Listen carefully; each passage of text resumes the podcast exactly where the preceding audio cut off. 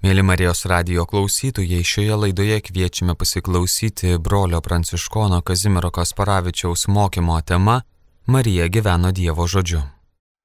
Prieš pakviesdamas ją atsiliepti Dievo kvietimą, Dievo siūstas angelas trimis sakiniais nusako, kokia yra Marija Dievo akise. Apie tai mes šiandien ir mąstysime, tai yra ji pirmiausia malonėmis apdovanotojai toji, su kuria yra viešpats, viešpats su tavimi, galiausiai toji, ant kurios nužengs šventoji dvasia, pratesant aukščiausiai galybę perdengs savo šešėlį, kurios nužengs šventoji dvasia. Taigi pasisveikindamas angelas nebadina pradžioje Marijos vardu, bet suteikia jai naują vardą, o kartu ir naują tapatybę sveika malonėmis apdovanotoji. Taigi malonės pilnoji ar apdovanotoji tai naujas Dievo Marijai suteiktas vardas ir tikroji jos tapatybė. Marija yra apdovanota. Dievas yra pati malonė, taigi dovana tikrąją to žodžio prasme. Sakyti, Dievas yra malonė ir Dievas yra dovana, na, Kaip žinote, pas Dievą viskas yra, Dievas yra džiaugsmas, Dievas yra malonė ir visą kitą yra, nėra atskirta nuo Dievo. Taigi ji yra malonės pilnoji, nes dovanodamas savo sūnų Marijai, Dievas dovanoja visą save. Ten, kur yra malonė, žinoma, ten yra ir džiaugsmas. Malonė yra pagrindinė mūsų džiaugsmo priežastis ir šaltinis. Ir įdomu, kad graikų kalboje tie žodžiai turi tą pačią šaknę. Malonė haris yra graikiškai ir džiaugsmas yra haro. Malonėmis apdovanotai būtent į tą žodį ir eina ta pačia šaknis. Malonė yra tai, kas džiugina. Ir atsižvelgdami į savo vidinę kartais būseną, galime netgi ir pasakyti, ar mes esame malonės būsenoje ar ne. Kai mūsų širdį užvaldo liudesys, aišku, liudesys gali būti įvairus, tai tarsi tam tikra prasme, kad Dievas nuo mūsų atsitrauktų. Taigi džiaugtis malonę reiškia džiaugtis pačiu Dievu. Ir Marija turi kuo džiaugtis, nes Dievas yra su ją todėl kad ji gyvena su Dievu ir Dieve. Šventasis Augustinas yra pasakęs čia tokia klasikinė sakinys, prieš pradedama per malonę viešpati kūnę jau buvo jį pradėjusi savo širdyje.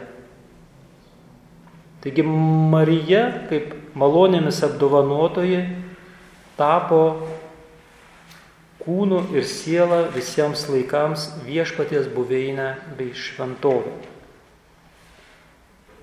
Aš nežinau, ar kitoje vietoje kalbėjęs, labai svarbu, kalbant apie aplamai, kaip čia pavadinti, moterį, moterį kaip, kaip šventovę, tai yra jau įrašyta pačioje pradžios knygoje, nes būtent kai Dievas kuria moterį, naudojamas specialus žodis, bana, hebrajiškas žodis, kuris sako, kad Dievas ją statydina.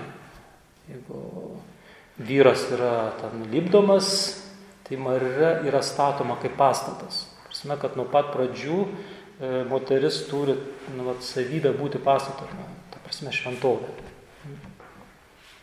Tai čia, kai kalbame vėlgi apie Mariją, labai irgi tai svarbu mąstyti apie, na, moters aplamai, ta, kuri nešioja vaikelių, kuri gimta jau yra tam tikra prasme pastatas savyje, šventovė. Tai gali būti įvairūs dalykai, kuriuos moteris ar Marija nešioja savyje.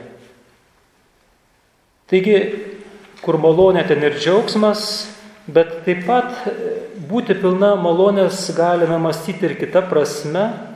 Būti pilna malonės reiškia būti gražiam. Arba galima versti net grakščiam. Malonė į tą žodį įeina ir toks apibūdinimas. O būti gražiam, tai kartu būti šventam.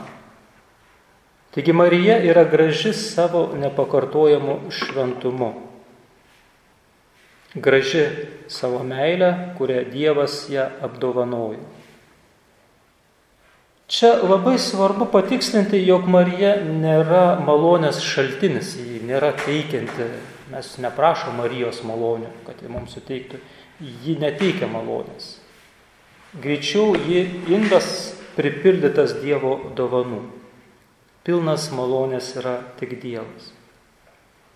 Ir pirmas čia pabrėžtinas dalykas Tai Marijos ir Dievo santykis pirmiausia yra kūrinio ir kurėjo santykis. Ir Marija tai labai save apibūdina, koks yra, sakyčiau, kūrinio gražiausia savybė, ar kuo jį daro jį gražų, tai yra nuolankumas. Nes mes pripažįstam Dievą esat kurėjo, mes patys nesam dievai ar malonės na, steigėjai, davėjai. Ir Marija tai įstabiai išreiškia savo gesmėje, mano siela šlovina viešpati, mano dvasia džiaugiasi Dievu savo gelbėtoju, nes jis pažvelgė į savo tarnaitės ir netgi pažodžiai vergės nuolankumą, nusižeminimą. Vėliau yra Lukas, Luko pirmas skyrius 47-48 eilutė. Nors lietuviškai mes vergiam nuolankę savo tarnaitę, bet pažodžiai yra žvelgia į nuolankumą, ne į tarnaitę, bet į jos vidinę būseną nuostatą Dievo atžvilgių. Nuolankumas tai karališkas kelias ne todėl, kad jis yra didelė žmogiška darybė, bet kad tai pirmiausia yra paties Dievo veikimo būdas. Jums žinomas tekstas iš laiško filipiečiams, antras skyrius, aštunta eilutė.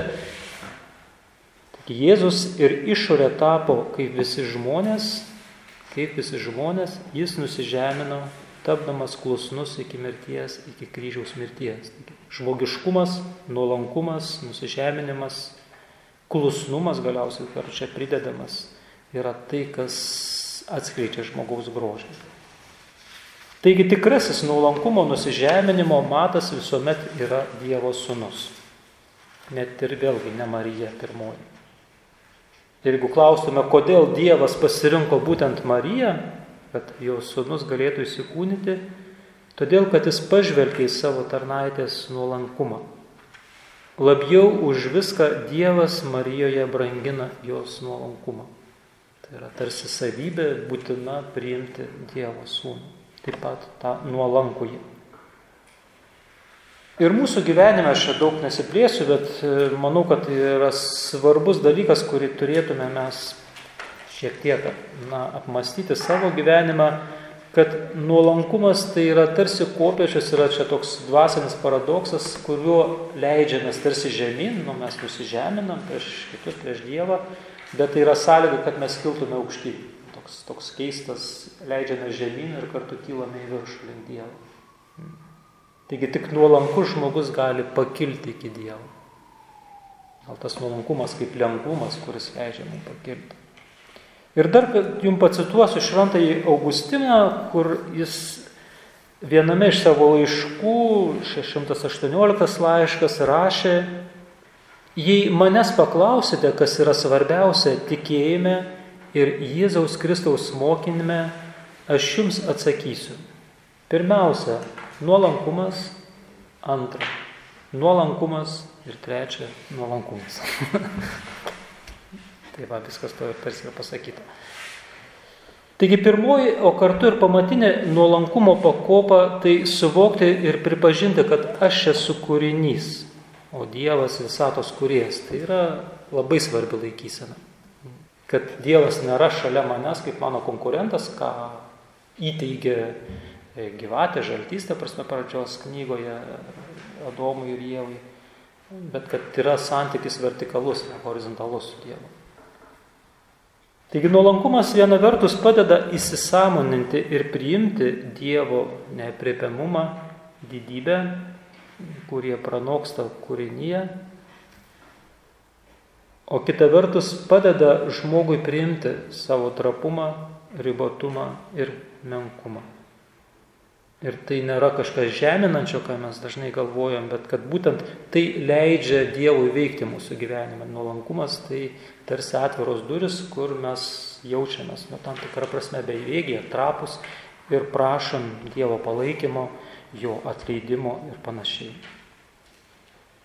Taigi, manau, kad nuolankumas tai yra tikrasis žmogaus, o kartu ir Marijos grožis ir jo šventumas. Ir būtent tas nuolankumas bei atvirumas Dievo žodžiai, apie ką mes vėlgi turėjau matysime tekste, manyčiau, kad yra, jeigu galima sakyti, vienintelis Marijos nuopelnas. Nuolankumas ir atvirumas, būtent klausimasis širdimi Dievo žodžio. Ši tema būti apdovanota malonė ar nuolat rasti malonę Dievo akise neprasidėjo su Marija, žinoma, kad jau visas senasis testamentas skamba nuo to rūpešio, kaip žmogui ar kažkokiam pranašui, nesvarbu, rasti malonę Dievo akise. Ir pirmasis žmogus, aš čia tik vieną jums pavyzdį pateiksiu, radęs malonę pas Dievą yra Nojus. Čia pradžios knyga šeš, šeštas skyrius, aštunta eilutė. Štai ką rašo autorius, Nojus buvo teisus vyras savo kartoje be nuodėmės, nes ėjo su Dievu. Rasti malonę Dievo akise reiškia eiti su Dievu. Taip apibūdinamas yra Dievo žmogus šventajame rašte. Ne šventasis pirmasis žodis, bet eiti nuolat su Dievu. Iš tikrųjų, krikščionybė tai pas mus eiti paskui Jėzų. Tas pats na, dinaminis judėjimas. Dar vienas pavyzdys, čia jau, kaip sakyčiau, galbūt Senajame testamente nusižeminimo ikona yra Moze. Šeimo 33 skyrius, 12-13 eilutė.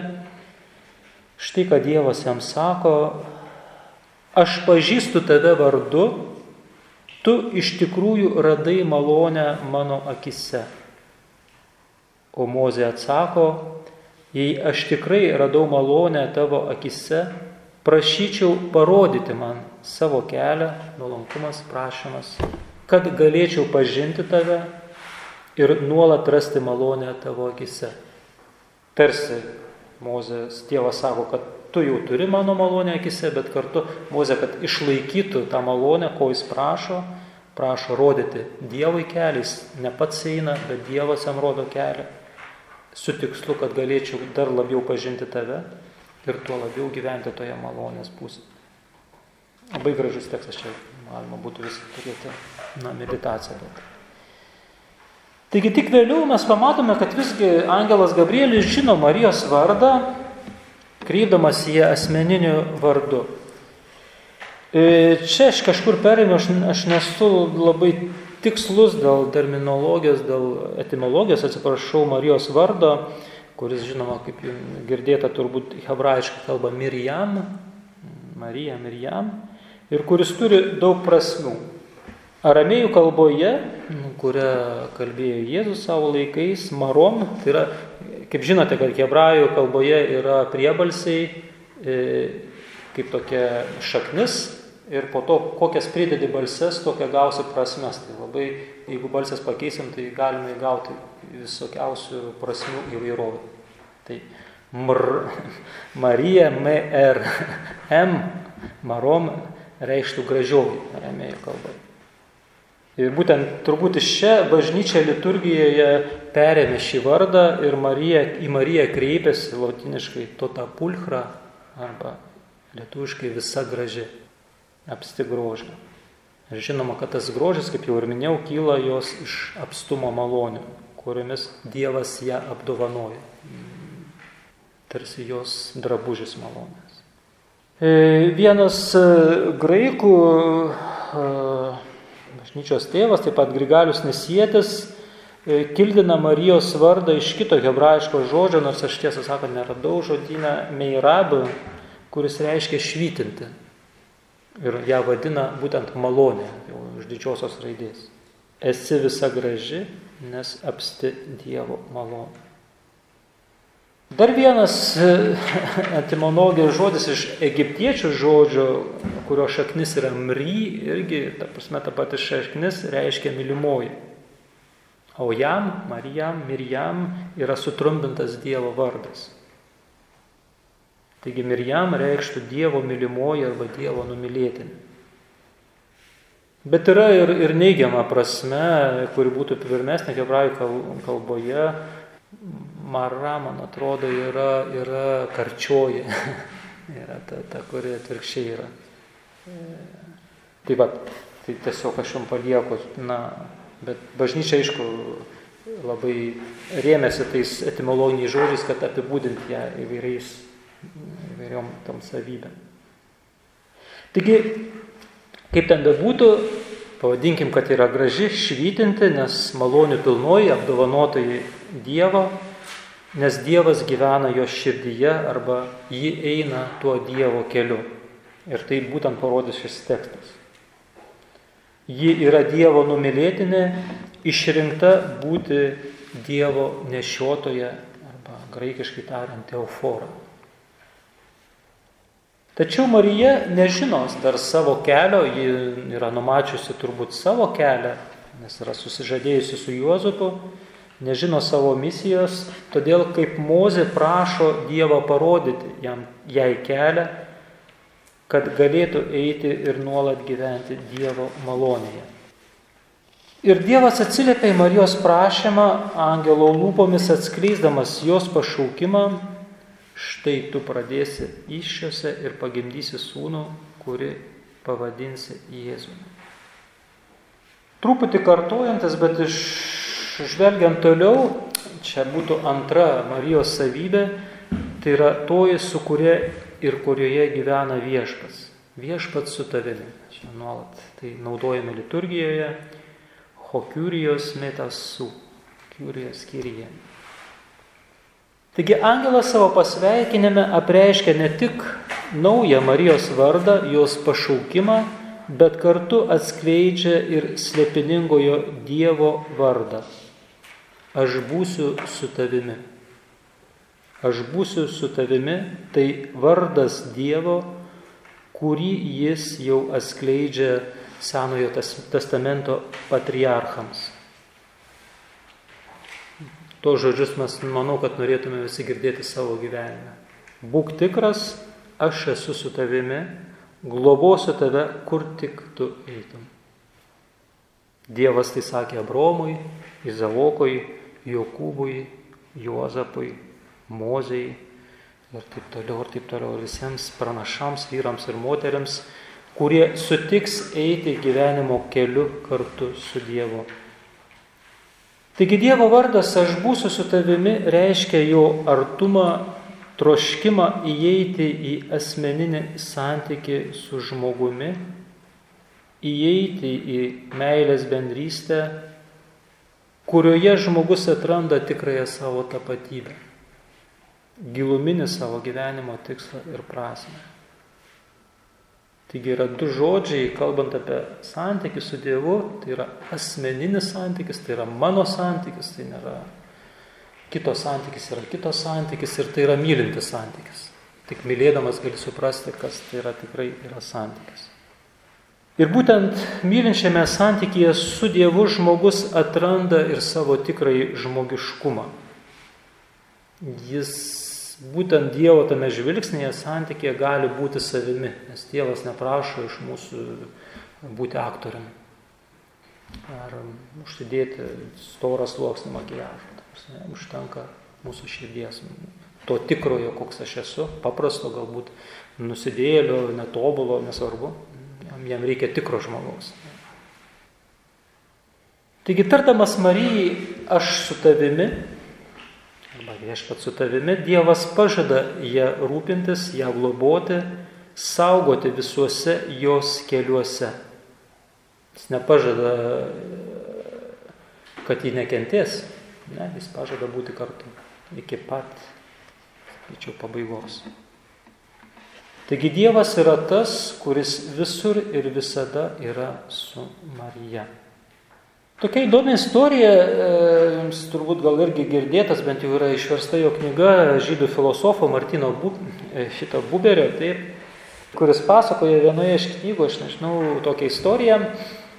E, vienas rabis užduoda klausimą savo mokiniui, taip prasme, vyksta mokslama, mokymas, kur gyvena Dievas. Ir šis atsako, nu, kaip tikrai geras mokinys, Dievas gyvena visur, nes visa žemė pilna jo didybės ir buvimo. Ir visgi rabis nėra patenkintas jo atsakymo ir sako, Dievas iš tiesų yra ar gyvena ten, kur jis įsileidžiamas. Prasme, kad žmogus buvo sukurtas laisvas ir jis turi tą, sakyčiau, siaubingą galę nusigręžti, sugręžti nuo Dievo pasakyti jam ne, uždaryti savo širdį. Šiuo atveju tai nėra Marijos atvejis, nes ji atveria Dievui savo širdį ir priima jį į savo gyvenimą, kuris tampa kūnu. Taigi jį tampa ta vadinama sandoros skrinė. Trečia savybė Angelas Gabrielius Mariją apibūdina ne tik kaip malonėmis apdovanotąją ar tą, kuri, su kuria viešpats yra, bet kaip tą, ant kurios nužengs šventoji dvasia. Su Dievo žodžio prieimimu į savo išės Marija tampa dvasios šventovę, sandoros skrinę, kaip sakiau, kurią Dievas pridengs savo šešėlių, savo artum, artum. Tai tarsi tas pats šviesus debesis, kuris Senajame testamente yra Dievo buvimo su savo tauta simbolis. Taip, tas debesis, kuris apdengia, yra Dievo artumo ženklas. Ta mes turime ant Tavoro kalno, Jėzus kalbasi su Elyju ir Moze. Ta mes turime išėjimo knygoje ypatingai. Labai svarbu iš tikrųjų skaitant Naująjį Testamentą, čia galbūt mūsų trūkumas, e, kad ir nėra tai lengva skaityti Senojo Testamento kontekste, nes labai yra daug ryšių tarp Senojo ir Naujojo. Tai nėra lengva, bet e, čia paprastas pavyzdys, kad ir šito teksto e, Marija kalbasi su angelu labai svarbu peržiūrėti ir šiuo atveju pagalvoti, kur dar angelas gal kalbasi su moterim pavadinimu.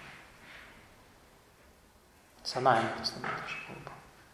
Na, vienas tokių gal mums žinomiausių yra Hagara, tas Saros tarnaitė, kurią Sara iš, išvėja su vaiku ir kurią angelas, kaip sakyt, pasigauna dikumoje, jau ten bemirštančią ir su kuria kalba. Tai yra įspūdingas tekstas, tuo labiau, kad Hagara yra egiptietė, tam tikrą prasme pagonė, netikinti ir, ir pasirodo, kad Dievui ir jį rūpi. E, vienas toks, e, čia jau vėlgi aš ne pats sugalvojau, bet mano egzegeto profesorius skaičiau vieną straipsnį, kuris peržvengė apie, aplamai apie angelus Senajame testamente, tai jis parodo labai įdomiai ten, kad žaltys gyvatė irgi gali būti verčiamas kaip angelas keista, mes aišku iškart įsivaizduojam šliužą, bet yra žodis, aš ne, vėl nebeprisiminsiu, reiktų man pasitikslinti, kad jį galima versti arba kaip gyvūną, arba kaip angelą. Kituose kontekstuose iš, išverčiamas kaip angelas. Tai, tai vėlgi čia jau, kaip sakyti, žydų turtingumas, kad kaip pažiūrėsi, taip ir pamatysi. Prasme, kaip versi, taip, taip ir tą ir gausi. Tai, tai va, tai žaltys kalbasi su Jėva, Tai va, galim Marijos pokalbį su angelu vėlgi marstyti pradžios knygos kontekste. Kaip viena elgesi ir kaip kita elgesi. Ką viena girdi, ką sako, ar ką kita. Na, čia būtų vėlgi toks įdomus. Na, bet čia ne mūsų dabar, tik tai jums pavyzdys. Ir taip toliau. Tai čia ir galima įvairius tokius tekstus labai, labai, labai e, praturtinti ir pamatyti daug plačiau ir, ir, pamatyti galbūt to teksto svarbą.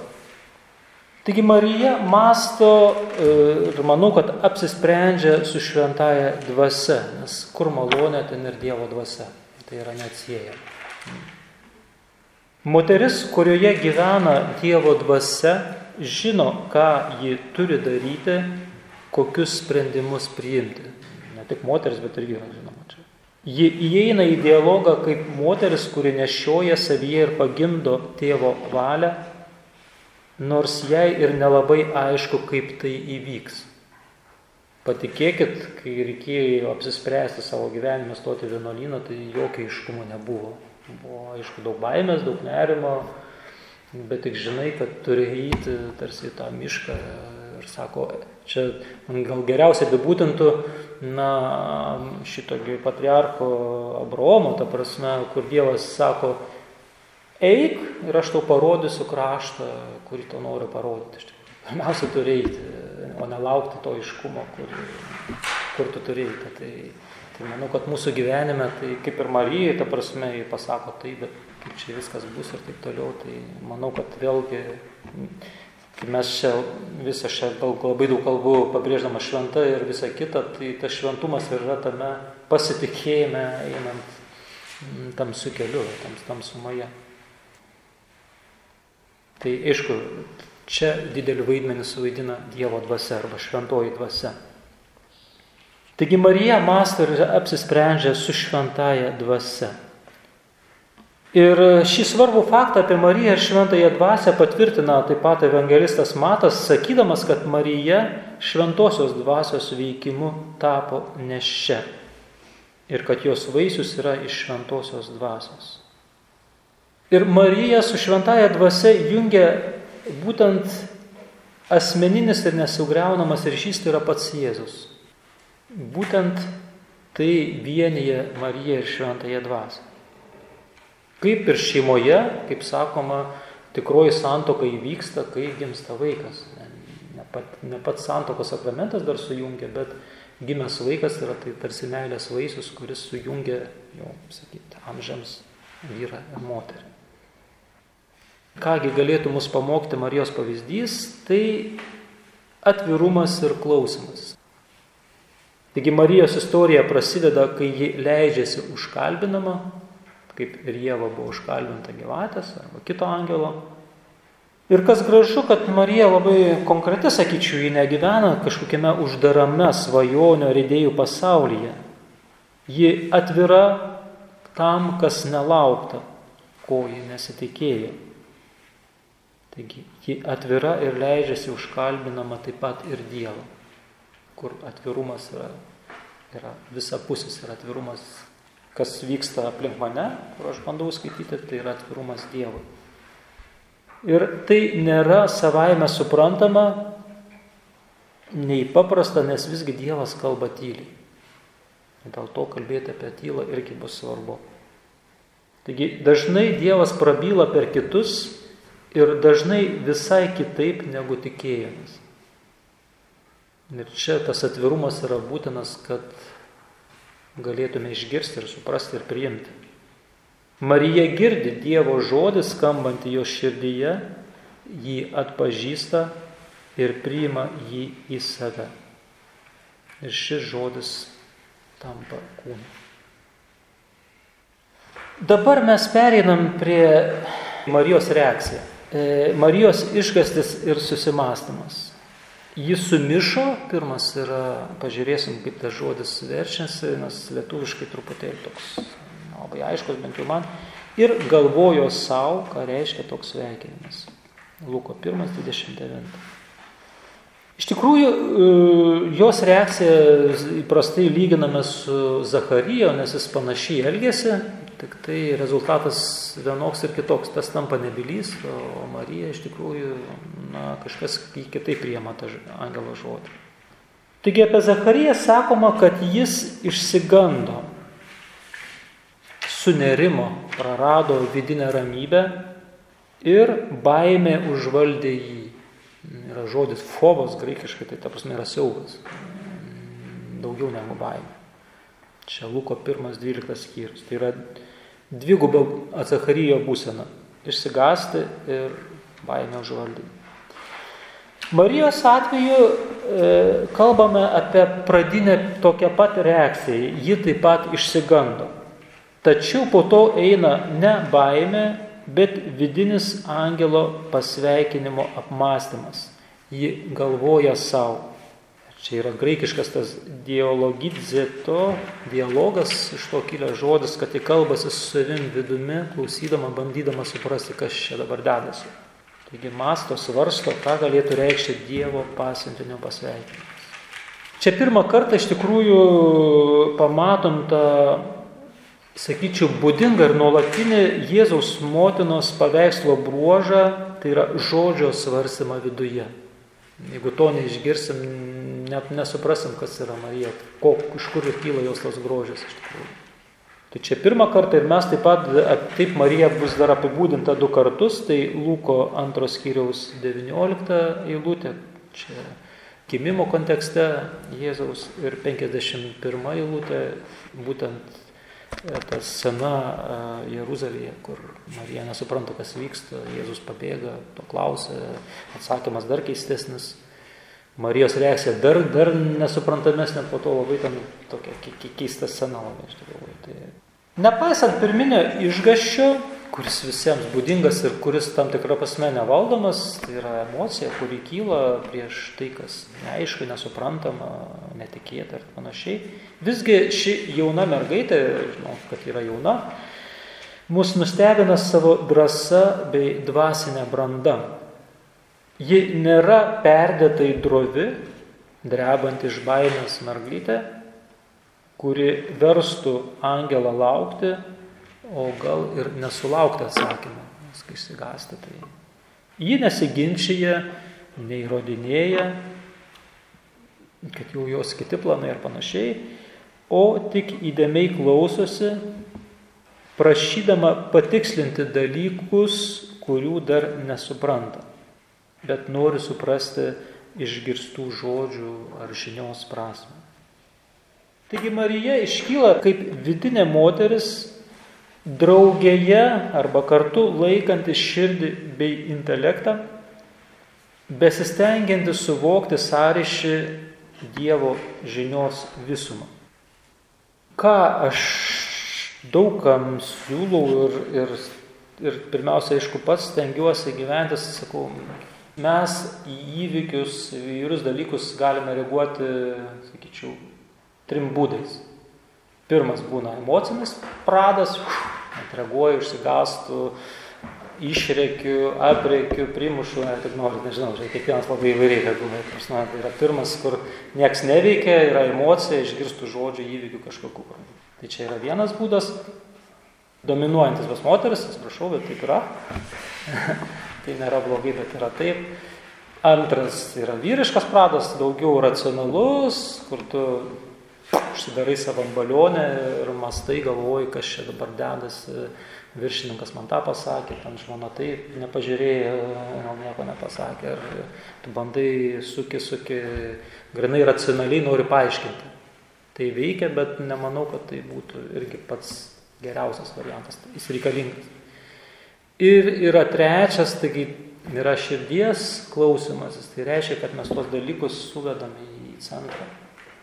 Ir ką aš sakau, kad čia Marija klausosi, tai reiškia, į ne vien ausimis, bet širdimis klausosi, kad įjungia intelektą, ne, netmeta. Bet kad kartu yra ir pirminė emocija, yra išgastas, suprantat. Tai va, yra tie du dalykai, kurie susivienyje širdyje.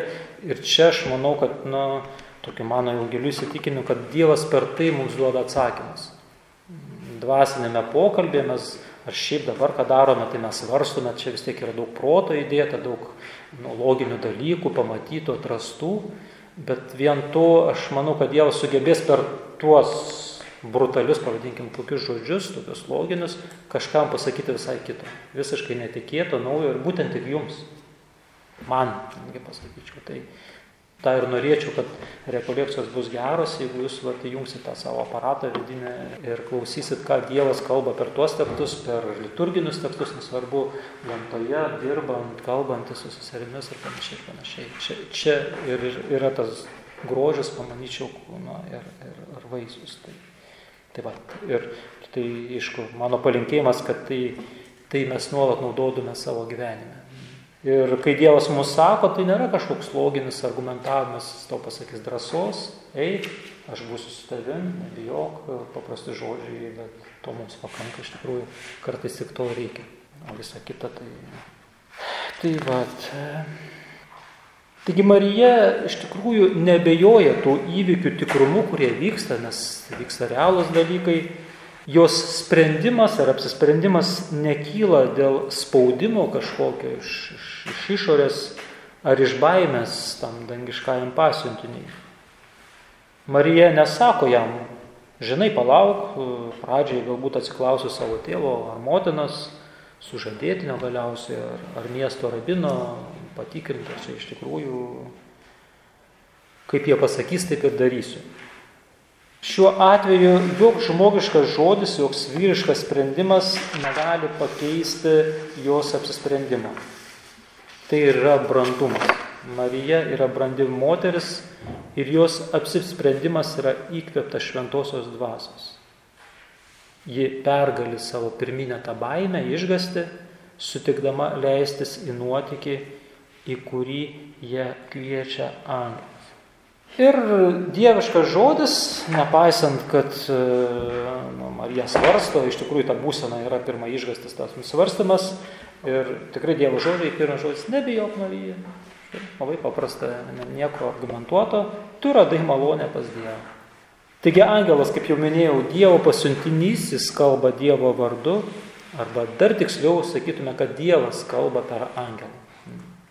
Ką angelas sako, tai tarsi pats Dievas sakytų.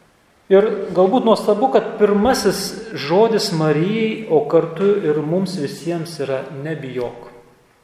Ir tas nebijok, aš manau, nuskambės per visą jos gyvenimą, kai ypatingai teks stovėti prie kryžiaus. Na, tai yra ko bijoti. Ar, ar kad ir tą 12 metį, kai Jėzų praranda. Taigi baimė viena iš natūralių įgimtų reakcijų į tai, kas kelia pavojų, kas nežinoma, nepažįstama pranoksta mūsų supratimą. Kai susidurėme su pavojumi, nežinomybę mes išsigąstame. Gyvename pasaulyje, kuriame pilna smurto, susipriešinimo, nepasitikėjimo bei baimės, kas dabar vyksta Baltarusijoje, jeigu šiek tiek seka, tai iš tikrųjų yra, yra dar ko pergyventi. Mm. Sunku tokioje aplinkoje viltingai su džiaugsmu žvelgti į ateitį bei ją kurti. Ir šiandien greičiau išgirsime ne padrasinantį Dievo, nebijok, bet yra kita žodį, latiniška tokia ištara karpė dyje, pažodžiui skink dieną. Tai yra naudokis progą, negaišk laiko ir taip toliau, ir taip toliau. Laikas, pinigai ir dar čia būtų. Dėl praeities neįgymo dabarties nepastovumo ir iš to kylančio ateities netikrumo mus apima baime. Mes nebeturime į ką remtis, nes praeitis atmetama arba yra tiesiog nepriimta. O negyvendami dabartyje mes nepajėgime kurti ateities, mes dažniausiai jau svarstam, kokie mes būsime, bet taip ir nebūname jais, nes, nes dabar jau negyvename. Todėl nuolat tariamas Dievo nebijoks mums yra toks padrasinantis ir sustiprinantis žodis. Nebijok, nes visa yra mano rankose, tavo gyvenimas, tavo ateitis. Tačiau angelo išsakytas nebijok turi dar gilesnę prasme. Kuomet Dievas netikėtai įsiveržia į žmonių gyvenimą, užkalbina, patikė misiją, juos taip pat arba mus apima išgastis. Man asmeniškai iš visada, kai būna sunku, prisimenu Dievo Jozojai padrasinančius žodžius, nes Mozė miršta, taip ir neperės Jordano upės, ir štai Jozuoje perima iš Mozės na, tikrai labai sunkia naštą, tą tarnystę, vesti tautą į pažado žemę. Tai kągi Dievas jam sako, būk stiprus ir ištingas, čia labai jau vyriškai toks. Nesibaimink ir nenuogastauk, nes viešpas tavo Dievas yra su tavimi, kur tik tu eitume. Jozuje pirmas skyrius devintai eilutė. Arba Dievo žodis pranašų Jeremijui, taip pat pačioje pradžioje, pirmas skyrius aštunta eilutė. Nebijok nieko, nes aš esu su tavimi ir tave apsaugosiu. Taigi prieš priimant savo pašaukimą ir pradedant Dievo patikėtą misiją, žmogui reikia padrasinimo. Dievas čia Ir dabar mums sako pranašo Izaijo žodžiais, čia 43 Izaijo skyrius pir, nuo pirmos eilutės, nebijok, aš atpirkau tave ir pašaukiau tave vardu, tu esi mano. Kai eisi per vandenį, aš būsiu su tavimi ir upės nepaskandins tavęs. Kai eisi per ugnį, nesudėksi ir liepsna nesunaikins tavęs. Aš esu viešpats tavo Dievas, Izraelio šventasis tavo gelbėtojas. Mėly Marijos radio klausytojai, šioje laidoje kalbėjo brolis Kazimieras Kasparavičius tema Marija gyveno Dievo žodžiu. Likite su Marijos radiju.